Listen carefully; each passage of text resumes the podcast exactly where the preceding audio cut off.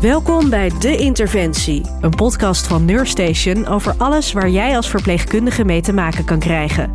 Ik ben Rebecca Looyen en vandaag ga ik in gesprek met ZZP-expert Lex Tabak. Via zijn platform zzp'erinDeZorg.nl deelt hij informatie en advies met zorgverleners die als ZZP'er werken of dat overwegen. We praten over wat er allemaal komt kijken bij het werken als ondernemer in de zorg en hoe je dat het beste aanpakt. Hi Lex, welkom. We gaan het hebben over werken als ZZP'er in de zorgsector. Iets waar jij ontzettend veel van af weet. Jij ondersteunt zorgverleners daarbij. Kan je eerst iets meer vertellen over jouw achtergrond hierin? Ik ben van oudsher verpleegkundige en uh, ruim 20 jaar zelf ZZP'er. En de laatste uh, jaren ben ik me uh, steeds meer gaan richten op het ondersteunen van ZZP'ers die starten en die al ervaren zijn. En daar bieden we dienstverlening voor aan. We ondersteunen ze met trainingen en met informatie en kennis en ja. een aantal dingen die je moet doen. Ja, dus echt, je wil dat gaan doen. Wat komt er allemaal op bij kijken? Uh, hoe, hoe doe ik dat eigenlijk? Dat, daar help jij bij. Ja, we willen vooral dat zorgverleners uh, bewust stap maken naar ZZP-schap. We merken dat er soms vrij laagdrempelig over gesproken wordt. En het is verstandig om je goed in te lezen wat je zo'n stap neemt. Ja, ik denk dat komt volgens mij steeds meer voor. Iedereen heeft wel eens een collega die als ZZP'er werkt, die hele mooie verhalen heeft en daar heel enthousiast over is. En ik denk dat het dan heel logisch is dat je gaat denken: Goh, nou is dat misschien niet iets voor mij. Waarom kiezen zorgverleners er volgens jou meestal voor om de stap te zetten en ZZP'er te worden? Ja, daar is veel onderzoek naar gedaan. En uh, wat we zien is dat uh, zorgverleners met name behoefte hebben aan flexibiliteit, uh, vrijheid, okay. wat meer eigen regie, ja. werk en privé wat beter kunnen combineren. En de laatste jaren, ook met name door prijsstijgingen, is het onderwerp ik wil wat meer inkomen hebben wel gestegen als prioriteit. Dat was okay. voorheen reden vier of vijf, maar inmiddels staat hij wel in de top drie dat mensen zeggen: ja, ik wil eigenlijk soms met een, een dienst extra werken in de maand, bijvoorbeeld uh, als ZZP'er naast mijn dienstverband uh, starten oh, om wat ja. geld te verdienen. Ja, dus het is niet zozeer dat mensen meteen volledig hun baan opzeggen en ondernemer worden, maar het zijn dus ook mensen die nu bijvoorbeeld 24 uur per week werken en nog een dag erbij willen werken als ZZP'er. Ja, dat zien we vaak gebeuren en ook uit onderzoek komt dat naar voren. En dat heeft weer te maken met het feit dat niet altijd een werkgever bereid is om het contract te bieden uh, waar de zorgverlener behoefte aan heeft. Ja. Je zou denken, er is een tekort. Waarom zijn ze dan niet blij met dat iemand juist een dag extra wil werken? Nou, ik, ik denk zelf uh, dat zorgorganisaties best wel worstelen ook met hun financiën. En dat maakt dat als je iemand een groot contract geeft en die persoon wordt ziek, we hebben nogal wat uh, uh, verzuim ook in de sector, ja. dan zie je dus eigenlijk dat je opeens een behoorlijk gat in je rooster hebt. Dus ik denk zelf te zien dat werkgevers het lastig vinden om met grotere contracten te werken. Ja. Zorgverleners hebben gemiddeld een contract van 28 uur. En interessant is dat ZZP die volledig ondernemen over het algemeen veel meer werken dan die 28 uur. Dus je ziet dat uh, het gemiddelde aan dienstverbanduren lager is dan zelfstandigen maken. En dat is denk ik een belangrijk signaal ook voor werkgevers. Er ligt dus veel verborgen potentieel, zou je kunnen zeggen. Ja, en dan zie je dus eigenlijk ook dat werkgevers bijna makkelijker een ZZP'er inhuren. Want daar hebben ze die ja, lasten eigenlijk niet. Hè? Daar kunnen ze gewoon vanaf als het nodig is. En als die ziek wordt, ja, dan is het niet hun verantwoordelijkheid. Klopt, ZZP'ers, uh, uh, er wordt natuurlijk veel over gezegd en gesproken. Maar uiteindelijk worden ze wel uh, vaak ingehuurd. Omdat ze inderdaad ook hun eigen verzuim in feite betalen. Hè? Je bent ja. natuurlijk zelf verantwoordelijk voor ja, het opvangen van de dagen dat je zelf ziek bent. nou ja, en als je beseft dat we in de gezondheidszorg gemiddeld 8% verzuim hebben. Dat is echt fors. Ja. en de hoogste, het hoogste verzuim van alle andere sectoren. Dan zou je dus kunnen zeggen dat het uh, ja, ook wel logisch is dat zorgorganisaties ook soms graag juist vertrouwen op een flexibele schil of de inhuur daarvan. Hoe zit het eigenlijk onder ZZP'ers? Weet je dat? Hoe, hoe zit het verzuim daar? Want ik kan me voorstellen dat de stap om je ziek te melden echt wel groter is als je weet dat je die dag dan niet betaald krijgt. Ja, wat het interessant is, we doen daar zelf ook veel onderzoek naar uh, via het platform zzp'erindezorg.nl. En wat we zien is dat het verzuim soms minder dan de helft is ten aanzien van wat het in loondienst is. Dus we hebben vorig jaar nog onderzoek gedaan en het verzuim was nog geen 4%. Eh, dus we hebben mensen gevraagd hoeveel dagen ben je nou over ziek geweest. Ja. En nog geen 4% uh, ten opzichte van de 8% landelijk. Ja. En wat we zien is dat mensen ook meer werken. Dus wat interessant is, denk ik, is dat dus uh, zorgverleners die zelfstandig zijn, ze blijken dus meer te willen werken en ze blijken dus de helft zo vaak ziek. En dan is nog maar de vraag natuurlijk of dat een goed signaal is of mensen niet langer doorwerken dan ze eigenlijk kunnen of uh, dat ze echt inderdaad nou ja, zich beter voelen of, of verantwoordelijker met zichzelf omgaan. Of je weet natuurlijk niet precies wat, wat de reden voor dat verschil is. Klopt, de arbeidstijdenwet geldt niet voor ZZP'ers in de zorg. Mhm. Dus die eigen verantwoordelijkheid voor een gezonde weekbalans is wel echt de verantwoordelijkheid van de ondernemer zelf. Ja. ja. misschien dat je je daardoor ook weer juist wat bewuster bent en dus juist misschien weer die ziekte voorkomt. Maar goed, dat is, uh, dat is speculeren. Nou, het is misschien wel goed om dat nog aan te vullen. We zien ook in onderzoek dat ZZP'ers periodes vrij nemen. Dus hmm. vaker dan in loondienst. Oh. Uh, periodes onderbreken om weer op adem te komen, geven ze aan. Om, om uh, bijvoorbeeld op vakantie te gaan of om rust te nemen. Dus we zien dat ze harder werken, maar ook, ook periodes inlassen van rust. Dus er lijkt dus een hele ander type balans te zijn eigenlijk bij, bij ZZP'ers... dan je via loondienst aan mogelijkheden hebt. Ja, terwijl je zou zeggen, als je in dienst bent, dan heb je gewoon vakantiedagen. Dus dan neem je dat veel makkelijker op. Maar worden die wel makkelijk opgenomen? Als je kijkt naar roosters en als je kijkt naar dat mensen soms het al moeilijk vinden om twee weken achter elkaar vakantie te krijgen in de zomer. Dus ik denk dat de faciliteiten binnen de CAO misschien wel op papier die ruimte bieden. Alleen de praktijk van die roosterplanning is vaak toch een stuk lastiger. Ja, en heb je met een weekje vrij, laat je daar echt mee op. Dat, ja. Exact. Nou goed, we hebben het dus al over uh, verzuim, over uh, dat je dus bepaalde verantwoordelijkheden hebt als je uh, ondernemer bent. kan je eens vertellen wat er allemaal bij komt kijken? Hoe is het om ZZP'er te zijn? Want het is niet zomaar een kwestie van dienstjes draaien en een factuurtje sturen, toch? Nee, dat is het zeker niet. je kunt op twee manieren naar dit, naar dit onderwerp kijken. Je kunt natuurlijk kijken naar waar hoor je mee om te willen gaan, te kunnen gaan als je zorgverlener bent, als je hierin stapt. En aan de andere kant, wat verlangt de buitenomgeving van je? Wat verwacht de zorgsector, de Belastingdienst? Uh, wat zijn de regeltjes die daarbij samenhangen? Als je kijkt naar de zorgverlener zelf, dan is een belangrijke vraag om jezelf te stellen: is of je om kan gaan met inkomensonzekerheid en of je om kan gaan met werkonzekerheid. En mhm. dus je weet niet zozeer hoeveel uren je precies draait en je weet ook niet precies uh, wat je inkomen is. Dat is een onregelmatige manier van werken, zou je kunnen zeggen, die ja, een belangrijk onderwerp zoals bestaanszekerheid een beetje raakt. Van, ja, hoe, hoe zeker voel ik me bij het feit dat ik dus niet precies weet waar ik aan toe ben met inkomen en werk. En ik moet zelf mijn voorzieningen regelen, zoals als ik me wil verzekeren tegen verzuim, tegen pensioen, moet ik daar zelf faciliteiten voor uh, inrichten. Nou, allemaal dingen die prima mogelijk zijn, maar de vraag is wel of het bij je profiel past. Past het bij je persoon om daarmee om te kunnen gaan? Dat is denk ik de eerste vraag. Het andere uh, onderwerp is natuurlijk, waar moet je nou eigenlijk aan voldoen als je ZZP in de zorg wordt? En daarin komen een aantal onderwerpen naar boven. Allereerst, uh, wat, waar moet je aan voldoen volgens de Belastingdienst? Hè? Als je de regels van de Belastingdienst uh, wil volgen voor ondernemers. Daar horen dingen bij, hè? die gaan over hoeveel uur ga je dan investeren in je bedrijf? Wat voor kortingen krijg je dan? Aan, belastingkortingen krijg je dan? Heb je een goede administratie? Loop je risico's? Hè? Ben je daar allemaal toe bereid? Het andere punt wat zorgverleners vaak onderschatten is dat sinds 1 januari vorig jaar, 2022, eh, vindt de inspectie dat iedere ZZP'er zich ook moet melden als zorgaanbieder. En dat woord zorgaanbieder is iets anders dan zorgverlener. Dus ik ben bevoegd en bekwaam als verpleegkundige, maar ik ben dus nog niet op orde voor zorgaanbieder zijn. En waar moet ik dan aan denken? Een zorgaanbieder is hetzelfde voor een ziekenhuis als wat het is voor een ZZP'er. Je bent in feite zelf verantwoordelijk voor de zorg die je levert en je moet een aantal dingen op orde hebben die gaan over jouw kwaliteit, over jouw kwaliteitsbeleid. Klinkt misschien heel gek voor zorgverleners die ja, natuurlijk eh, ervan uitgaan dat de werkgever dat tot nu toe regelt. Een kwaliteitssysteem, hoe gaan we om met klachten, hoe leren en verbeteren we. Uh, wie houdt in de gaten wat voor risico's we lopen met elkaar? Wie grijpt daarop in? Wie werkt de verbeterpunten uit? Nou, dat is bij iemand in loondienst is natuurlijk de werkgever, de zorgorganisatie met kwaliteitsmedewerkers, et cetera. Maar bij een ZZP'er eh, is het de persoon zelf. Je moet zelf zorgen voor een aantal dingen waar je aan moet voldoen. En is dat dan een formaliteit? Of is het echt iets wat je in de praktijk ook echt. Ik hoor, ik hoor jou zeggen over een beleid voor klachten bijvoorbeeld. Hoe vaak komt het voor dat je als ZZP'er daar echt mee te maken krijgt?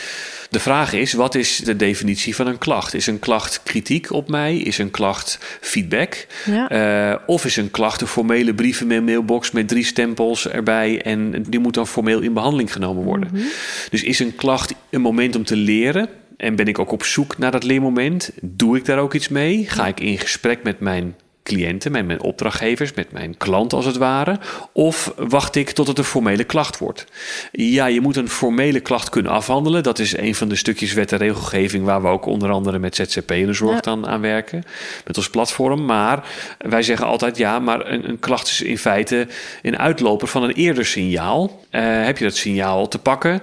Wat doe je daarmee? En in feite zegt de inspectie bijvoorbeeld: ja, we verwachten wel dat zorgverleners, zorgaanbieders openstaan voor feedback en, en om zich heen kijken of hun praktijk nog iets beter kan. Maar merk je dat in de praktijk dan cliënten zich ook echt melden bij de zorgverlener? Want die weet natuurlijk niet of iemand in dienst is of ZZP'er is. Ik zou dan denken dat die zich meldt bij de organisatie waar die bij ingehuurd is, die zorgverlener. Er is een hele grote groep solistische zorgaanbieders, ZZP'ers, die mhm. eigen cliënten heeft. Ja, okay. Dus daar moet, de, uh, daar moet de zorgaanbieder, de ZZP'er, zelf aan informatievoorziening doen. Die moet er zelf voor zorgen dat de cliënt weet waar hij zich moet melden bij een klacht. Ja. Uh, en er zijn natuurlijk ZZP'ers die als onderaannemer werken voor een organisatie. En dan is de vraag wie is verantwoordelijk bij deze klacht voor deze klacht. En dan komt het voor dat bijvoorbeeld de zorgorganisatie, die toch uiteindelijk eindverantwoordelijk is voor de zorg, dat die de klacht ontvangt over het werk wat een ZZP'er heeft gedaan. Dat kan, maar het hoeft ook niet altijd. Het kan ook zijn dat er een klacht bij de ZZP'er zelf ja, terechtkomt. Ja, ja, en daarom is het dus belangrijk om dat dus wel allemaal goed geregeld te hebben, naast het feit dat het wettelijk verplicht is. Klopt. Ja. En een beetje gekke draai misschien, maar het is ook leuk. Het is ook leuk om na te denken over uh, het verbeteren van je dienstverlening, het verbeteren van je bedrijfje. Dit is een zorgbedrijf waarmee je dus allerlei kanten uit kan. En uh, daar zitten ontzettend veel kansen in, ook om als mens te groeien en te leren, denk ik. Althans, dat is uh, wat mij overkomen is toen ik me hier wat meer ging verdiepen. Dat is het leuke ook van ondernemerschap in de zorg. Ja, maar het lijkt me als starter best wel eng ook. Er komt wel een hele hoop op je af, naast het feit dat je inderdaad de administratie en zo moet regelen en dat je um, akkoord moet zijn met het feit dat je niet weet wat je volgende maand precies binnenhaalt, moet je dit soort dingen allemaal. Ik heb er geen kaas van gegeten, zeg maar.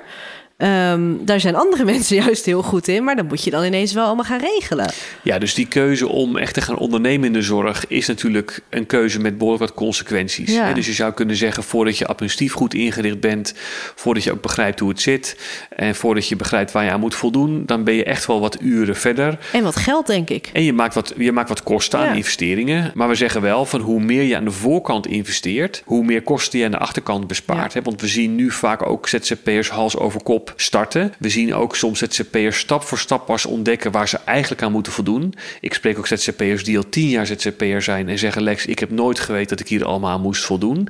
Dat gebeurt ook. En dan zie je dat vooral als mensen in de problemen komen, met bijvoorbeeld zorgverzekeraars of met de Belastingdienst of op een andere manier, dat mensen dan pas echt schrikken en zeggen: Wow, ik wist helemaal niet dat ik deze verantwoordelijkheden droeg. En wat is het risico dan? Uh, nou, het is vaak een financieel risico. Hè? Op het moment dat jij onvoldoende ondernemend bent, maar je hebt wel jezelf zo gepresenteerd aan de Belastingdienst, dan kan de Belastingdienst daarop terugkomen. Op het moment dat jij rekeningen instuurt naar een zorgverzekeraar, maar je blijkt achteraf die rekeningen niet ingezonden te mogen hebben, dan kun je eh, gedwongen worden om dat geld terug te betalen, bijvoorbeeld.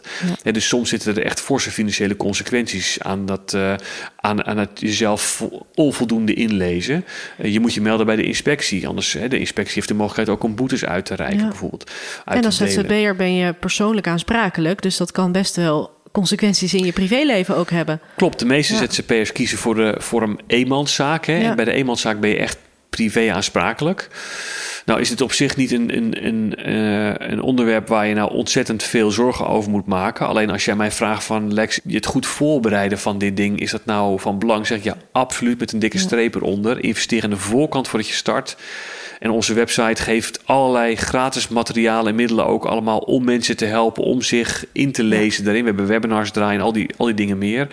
Dus maak daar gebruik van, is ook altijd onze oproep. En er zijn natuurlijk ook wel hulpmiddelen. Ik bedoel, als jij niet ontzettend goed bent met de administratie, dan kan je een boekhouder inhuren. Klopt. Uh, en dat is natuurlijk ook weer het recht van een ondernemer. Je kunt ook andere uh, partijen om je heen verzamelen. Die zeggen van ja, daar delegeer ik bepaalde stukjes ja. van mijn, uh, van mijn ja.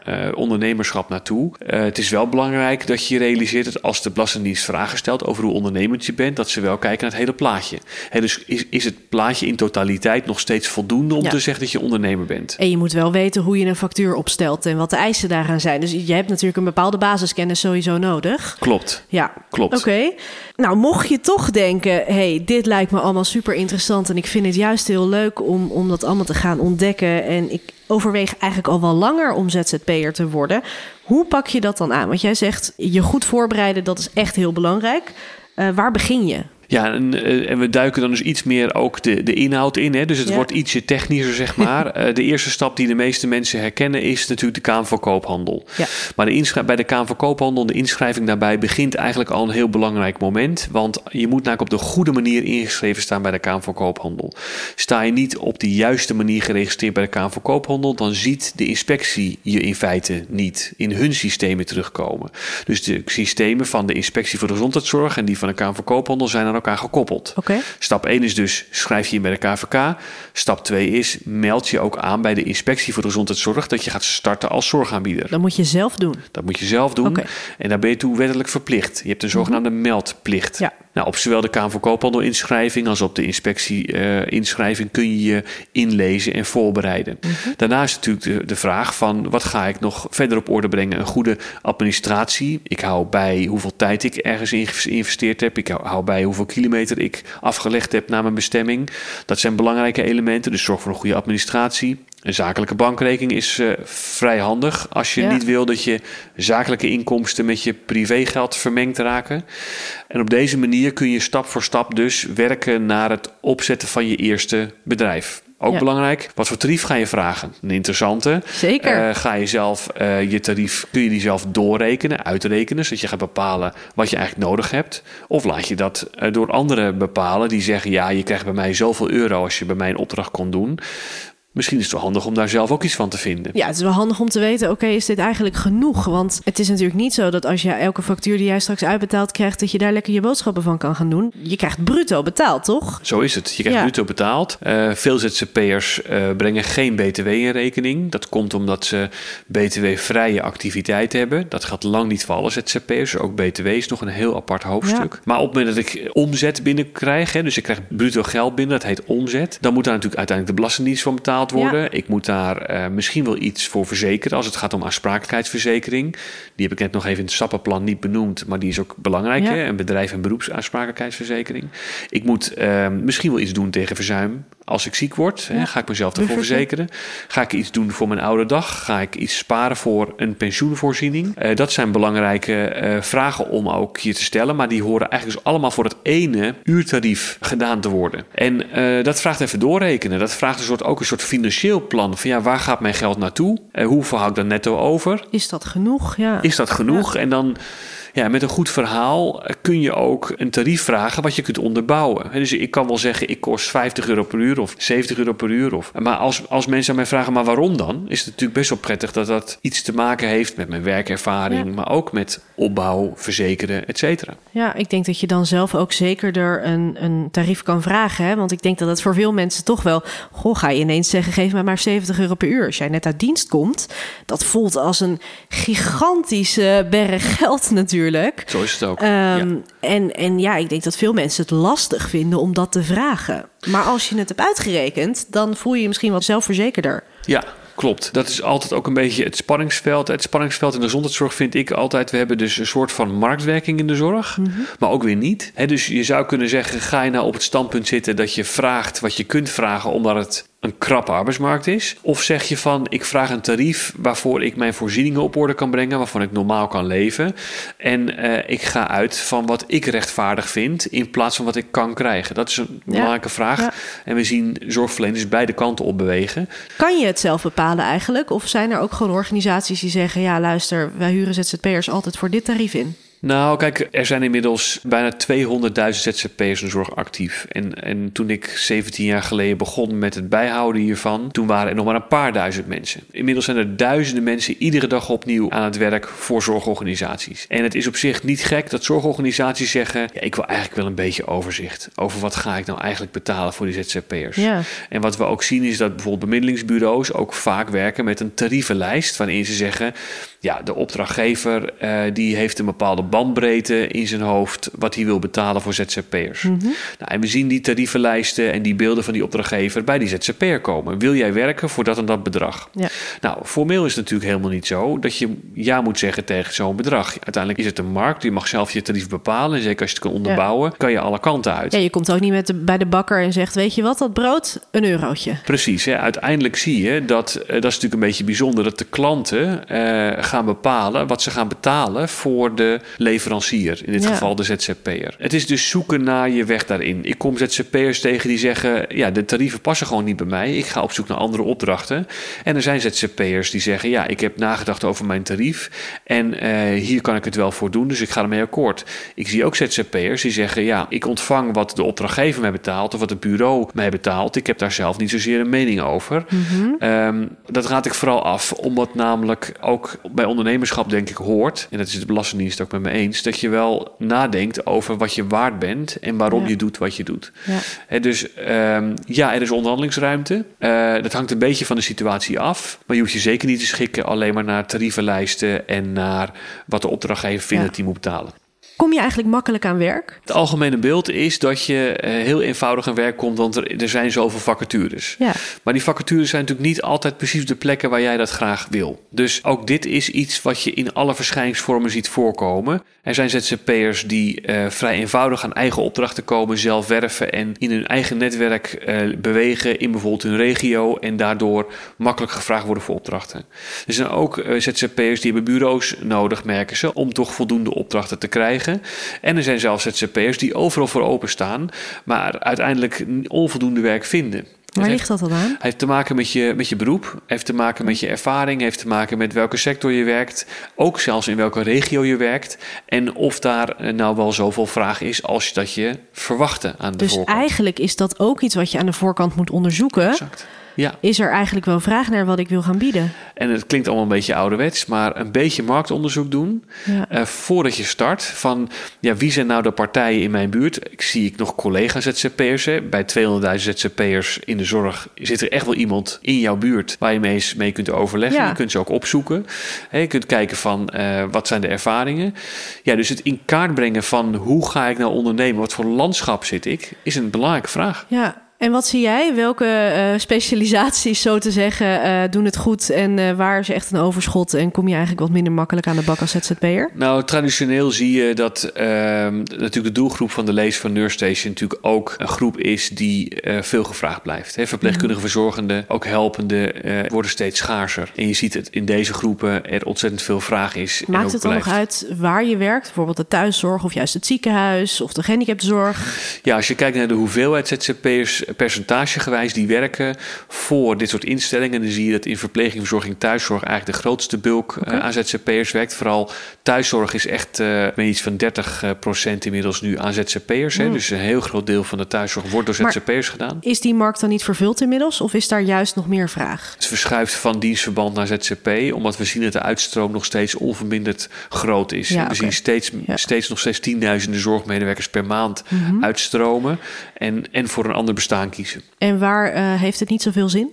Nou, ehm, vooral, ik vind vooral dat ziekenhuis tot nu toe er nog behoorlijk goed in slagen om hun eigen medewerkers vast te houden. Daar zie je eigenlijk dat de percentages van inhuur relatief lager zijn, laag zijn. Ja, dus als ik een sector zou moeten noemen, zou ik zeggen dat vooral in die ziekenhuizen, academische ziekenhuizen, privéklinieken, daar zie je dat, eh, dat de afhankelijkheid van ZZP'ers in mijn beleving wat minder is. Is het dan ook niet net wat lastigere plek om als ZZP'er even een, een dagje bij te springen? Want thuiszorg is wat dat betreft misschien wat makkelijker.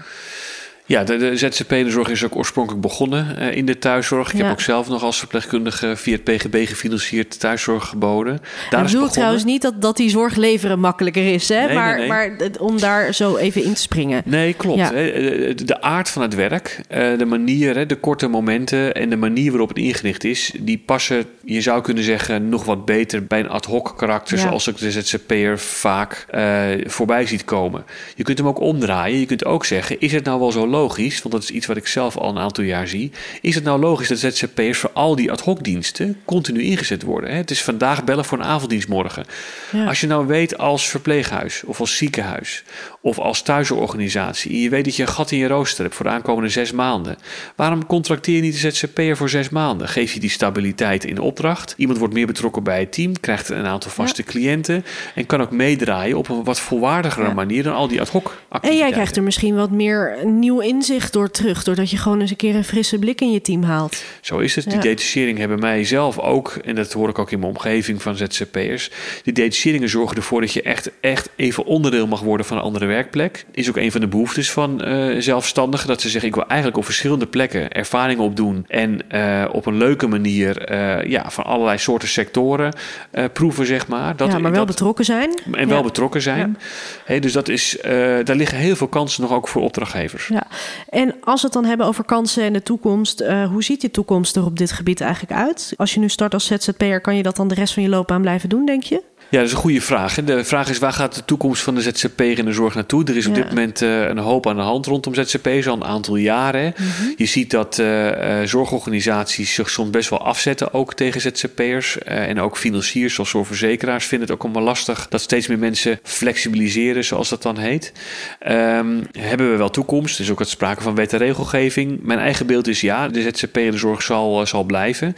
en we zien ook aan de instroom van nieuwe ZZP'ers dat het ook onverminderd nog steeds 2.500 mensen iedere maand een KNVB-koophandelnummer wow, ophalen in de zorg. Dat is een hoop. Um, dat is nog niet zoveel als die uh, 20.000, 25.000 die uitstromen uit de sector iedere maand. Mm, nee. He, dus ZZP'ers uh, zijn maar 10% van de uitstroom. Dat is misschien goed om eens te onderstrepen. Ja. 90% gaat werken in een andere sector. Maar die ZZP'er gaat uh, naar mijn uh, mening echt wel een toekomst tegemoet... waarin ze hoort wat ze hoort te doen, wat de precieze spelregels zijn... en wanneer je veilig kunt werken als zelfstandig ondernemer in de zorg. Ik denk dat we daar naartoe onderweg zijn. waarom? Het zijn nu 200.000 mensen. Dat is 15% van iedereen die werkt in de gezondheidszorg. We kunnen niet zonder ze. Nee. En um, het zijn ook heel vaak ervaren mensen die op een, op een heel goed punt in de loopbaan zitten. En die ook overstappen als, uh, als ZZP'er. En ook fulltime dit gaan doen. Al die ervaring willen we niet kwijt. Dus ik denk, en dat heeft het ministerie van VVS ook door. Ja. Uh, voor gezondheidszorg. Dus ik, ik heb het idee dat uh, we naar een duurzame toekomst gaan. Maar de ZZP'er heeft in de beeldvorming en wat imago betreft niet altijd makkelijk. Nou, precies. Je hoort toch best wel regelmatig ook negatieve verhalen over ZZP'ers. En dat met name door mensen die in loondiensten werken. Um, ja, ik noem er even een paar dat ZZP'ers niet betrouwbaar zijn. Dat ze alleen de leuke klussen aannemen. Dat ze heel veel geld verdienen. Uh, dat ze niet voldoende betrokken zijn. Waar komt dat allemaal vandaan? Ja, dat heeft een aantal oorzaken. En um, wat belangrijk is, denk ik, is om je te realiseren dat als je goede afspraken maakt met een ZZP'er, je automatisch ook heel veel dingen voorkomt. He, dus wat ik zie in de praktijk als ik bij zorgorganisaties kom, is dat ZZP'ers soms weglopen tijdens een dienst. Of zich onbeschoft gedragen. Of hun bevoegdheden en bekwaamheden helemaal niet op orde blijken te hebben. Wow. Uh, het zijn dingen die niet zouden mogen gebeuren, nee. omdat namelijk je met een overeenkomst in een. Hey, je kunt afspreken tussen op opdrachtgever en ZZP'er, ook in samenwerking met het bureau, dat je dit soort dingen uitsluit. He, dus goed, goede controle van documenten, kijk of iemand daadwerkelijk bevoegd en bekwaam is ja. en of hij de ervaring heeft, is een hele belangrijke. Een andere is, wil je nou betrokkenheid van een ZZP'er, contracteer dan voor het langere termijn alleen een avonddienst. Ja. Je, je creëert ook een soort van beperkte betrokkenheid als je iemand alleen maar vraagt van drie uur s middags tot elf uur s avonds. Dus, dus denk, denk ook na over wat je met die medewerker wil op de langere termijn. Nou ja, en je bent bent ook niet de enige die dat doet natuurlijk. Want uh, ja, die heeft nog uh, zoveel andere organisaties die hem ook af en toe eens een keer voor een dienstje vragen. Zo is het. En je kan gewoon niet bij al die organisaties heel betrokken zijn. Dat gaat niet voor één dienstje. Zo is het. Dus er liggen heel veel mogelijkheden om, die, om, om wat meer met detacheringen te doen. Ja. En uh, toch dat ad hoc werk uh, geeft ook vervelende voorbeelden. Dat is natuurlijk niet. Uh, en, die, en die paar voorbeelden krijgen dan heel veel aandacht. Dat is ja, misschien ook wel logisch, omdat het soms hele vervelende voorbeelden zijn. En daardoor zeggen mensen in vaste teams, vaste medewerkers, zeggen: Ja, ik weet nog niet of ik nou zo blij word van al die ZZP's. Want ik zie soms hele bijzondere voorbeelden voorbij komen. Ja, ik herken dat. Ja, ik, ik las dat laatst nog in de krant dat een, een verpleegkundige had opgeroepen met: Goh, ZZP'ers, zeg alsjeblieft niet vlak van tevoren af. En dat verbaast mij, want waarom zou je dat als ZZP'er doen? Je, je schaadt je eigen reputatie. je kiest vrij bewust voor een bepaalde klus. Dus er moet wel heel veel aan de hand zijn. Er moet wel echt iemand ziek zijn of een onvoorziene omstandigheid. Wil je zomaar van tevoren afzeggen? Nou ja, je kunt hem ook omdraaien. Je kunt ook zeggen, zitten er wel consequenties aan die reputatie? Eh, heeft het wel gevolgen voor je reputatie? Mhm. En wat zijn dan de gevolgen als je zomaar een dienst opeens afzegt... een half uur of een uur van tevoren? Je moet daar consequenties voor inbouwen. En die kun je inbouwen met bijvoorbeeld een overeenkomst. Die zegt, luister eens... Ja je hoort niet af te zeggen. Als je wel afzet, zitten daar gewoon negatieve consequenties aan. Wat je nu ziet, is dat dat soms consequentieloos gewoon maar kan. Ja, ik kom niet, want ik voel me niet goed. Ja, dat is, je zou zeggen, dat is geen optie. Nee, ook sociaal gezien niet. Je weet toch dat je andere mensen mee opzadelt. En over het algemeen zijn mensen in de zorg best wel empathisch. Dus ik, ik kan die even niet rijmen. Maar jij zegt dus dat gebeurt wel. Het gebeurt. En dat wil dus zeggen dat er een heleboel dingen niet goed gegaan zijn... voordat iemand ingepland is. Is, dus, is er dus ook niet voldoende gecheckt of die persoon wel de mentaliteit heeft die hoort bij de zorg. En ook die betrokkenheid heeft. En dat is ook zonde voor al die ZZP'ers die het wel hebben. Dat is de meest ge, eh, de gehoorde pijnklacht inderdaad. Wat we zien natuurlijk is dat er enkele voorbeelden zijn die uh, het ook echt niet goed doen. Uh, overduidelijk. Alleen er is ook een hele grote groep die echt heel erg de best doet. En probeert echt zelfstandig ondernemer te zijn. Echt toegevoegde waarde te bieden. Om echt een verschil te maken op die werkplek. Dat lukt dan ook. Alleen dat valt niet vaak op. Wat zonde. Zonde, ja. Hey, en wat levert het eigenlijk op voor zorgverleners om als ZZP'er aan de slag te gaan? Nou, we hebben daar uh, ook zelf veel onderzoek naar gedaan. En er is laatst nog een ander groot landelijk onderzoek gepubliceerd. Uh, wat je ziet is dat, uh, het is misschien een heel menselijk vertrekpunt, maar uiteindelijk willen natuurlijk zorgverleners ja, veel van zichzelf geven tijdens hun werk, maar ze willen ook tot rust komen thuis. En we merken dat vooral de werk-privébalans, de werkdruk, uh, dat is iets dat in dienstverband helaas steeds moeilijker geworden is de afgelopen jaren. En als ZZP'er uh, blijkt dat toch veel beter te kunnen. Je kunt dan zeggen, ze doen alleen maar de leuke diensten op de leuke dagen. Dat is niet zo. Onderzoek laat zien dat ZZP'ers alle diensten alle dagen werken. Alleen niet iedere ZZP'er werkt alle diensten alle dagen. Mm dus, dus wat je ziet is dat ZZP'ers het werk en privé veel beter volhouden. Dat is wat je vaste collega's ook zou gunnen. Ja. Wat je ziet is dat ZZP'ers ook voldoende verdienen om van rond te komen. Ze verdienen niet zozeer heel veel netto meer. Uh, ze werken wel meer, waardoor ze wat meer geld overhouden. Maar eh, je zou willen dat iedereen op een ontspannen manier uh, zijn rekening kan betalen thuis. Dus we merken dat het voor ZZP'ers begint bij hele basale dingen.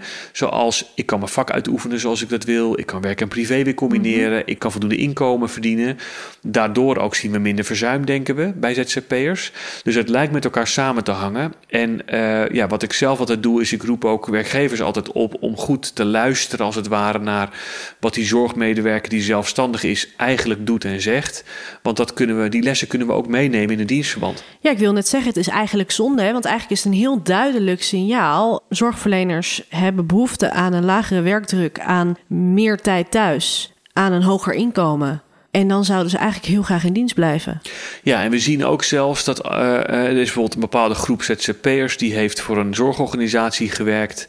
Uh, en die zorgorganisatie nodigt hun uit om in dienst te komen. En uh, meer dan de helft van die ZZP'ers zegt ja, ik kom, en het gaat niet over een paar ZZP'ers, zegt ja, ik kom graag in dienst bij je. omdat namelijk de manier van werken, de balans die er al is, die, wordt ook, die zit verweven in die organisatie. Mm -hmm. Dus is een, goed, is, een goed, is een voorbeeld van een goede zorgorganisatie zou je kunnen zeggen, die het gewoon organisatorisch goed op orde heeft. En je ziet dan dat de arbeidsrelatie ZZP of dienstenband helemaal niet zo belangrijk meer is. Dus je ziet dat ZZP'ers ook qua mobiliteit heus wel bereid weer zijn op een gegeven moment een aantal om weer een andere stap te maken. Alleen dan moeten we wel ervoor gaan zorgen dat de randvoorwaarden om dat te doen uh, gewoon weer passen. Ik probeer een beetje weg te blijven van uh, pro-ZZP of pro-dienstverband of pro-uitzendkracht. Dat is ook per uh, persoon verschillend. Dat, dat hangt ja. heel erg van je profiel af. en er zijn zoveel mooie lessen nog te leren van wat die professional nodig heeft. Ja. En dat, dat zien we slagen bij ZZP'ers in de zorg, zou je kunnen zeggen. Ja, dus dat zijn lessen waar we van kunnen leren. Ik denk het wel, ja. Nou, dank voor het interessante gesprek. Um, graag gedaan. Dan sluit ik zoals altijd graag af met de vraag: wat zou jij vanuit jouw expertise verder nog mee willen geven aan zorgverleners? Um, Denk goed om jezelf. Op het moment dat je merkt dat je omstandigheden in een dienstenband uh, zwaar zijn en je denkt van ik wil een stap maken, Stap er niet hals over kop in je ZZP-schap. Doe het bewust en wel overwogen. Alle materiale middelen om je in te lezen zijn er. Dus uh, neem de tijd. Start niet te laat, zodat je vanuit pijn de stap maakt. Maar dat je vooral vanuit kansen en ondernemerschap de ruimte ziet die het ook biedt. Dat zou ik denk ik vooral mee willen geven. Je luisterde naar De Interventie, een podcast van Neurstation. Wil je meer weten over werken als ZZP'er of andere vakverhalen lezen? Kijk dan op neurstation.nl. Volgende maand zijn we er weer. Dan hoor je hoe het is om als zorgreservist bij te springen in een noodsituatie. Vond je deze aflevering nou interessant? Laat dan vooral een review achter en stuur hem ook naar je collega's.